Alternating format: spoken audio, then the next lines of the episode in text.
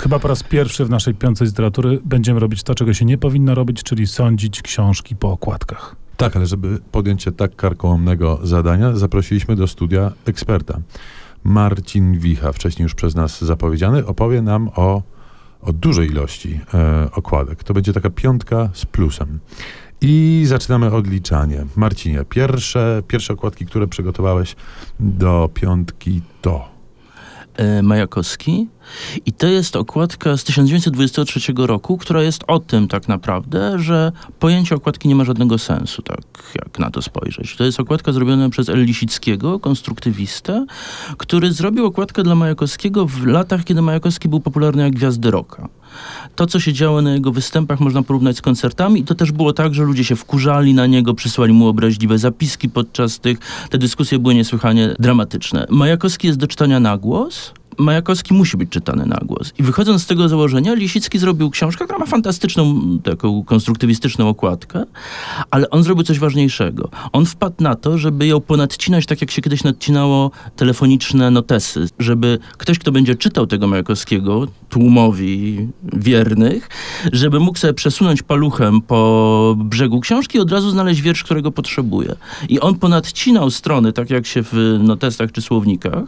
Co więcej, zrobił tam takie maleńkie ikony, żeby od razu było widać. Ikony w dzisiejszym tego słowa znaczeniu, czyli znaki graficzne, żeby ktoś, kto będzie wrzeszczał ze sceny lewy marsz, od razu wiedział, że musi paluchem ten lewy marsz wybrać. E, przy czym te ikonki, co też jest ciekawe, są y, arbitralne, to znaczy tam lewą marsz jest czarnym kwadracikiem.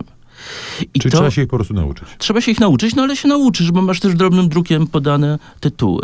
Majakowski to klasyk, ale następna pozycja to jeszcze większy klasyk, czyli Szekspir, jego sonety. Jest kompletnie inna okładka, okładka z lat 60.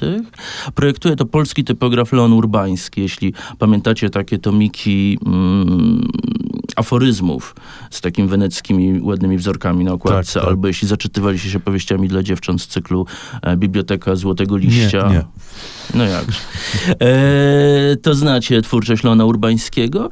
Facet, który był konserwatystą, a jednocześnie w tym jego konserwatyzmie i w tym jego myśleniu o książce jest e, jakby cała awangarda. On pokazywał, że właściwie można być konserwatystą i korzystać z wszystkiego, co wymyśliła awangarda XX wieku w myśleniu o książce. A ta książka, ten Szekspir jest przepiękny. Wygląda jak o, fotel, bo jest oprawiony w czerwony żakardowy jedwab z taką naklejoną jeszcze etykietką. Mhm. To też jak się myśli o perelowskich przedmiotach jako o takich tandetnych, byle jakich źle zrobionych, to ta książka to jest jakieś absolutne arcydzieło takiej sztuki właśnie introligatorskiej też. Pułap, do którego jeszcze długo nie doskoczymy. Kolejne okładki to okładki Romka Marbera. Tak, tak. Teraz trochę już wiem o Romku Marberze, bo była ta wystawa w Muzeum Galicja. On y, jest polskim Żydem, dzieckiem Holokaustu. Jakieś niesłychanie miał dramatyczne przeżycia podczas wojny. I natomiast y, zaraz po wojnie wyjechał do Anglii i tam był projektantem w wydawnictwie Penguin. I w tym Penguinie jakoś na początku 60 lat y, on tam zdobył wykształcenie, zaczął robotę. Zwrócili się do niego, żeby zaprojektować serię kryminałów. On to zrobił tak doskonale, że to przestały być już tylko kryminały, tylko wszystkie książki tej takiej najpopularniejszej zielonej serii Pingwina w 60 70 latach wychodziły jako y, z tymi okładkami wymyślonymi przez Marbera. Ale o co chodzi? On nie wymyślił okładki. On wymyślił system robienia okładek. On wymyślił, jak podzielić e, stronę. Dwie trzecie mniej więcej dolne odciął na e, ilustrację.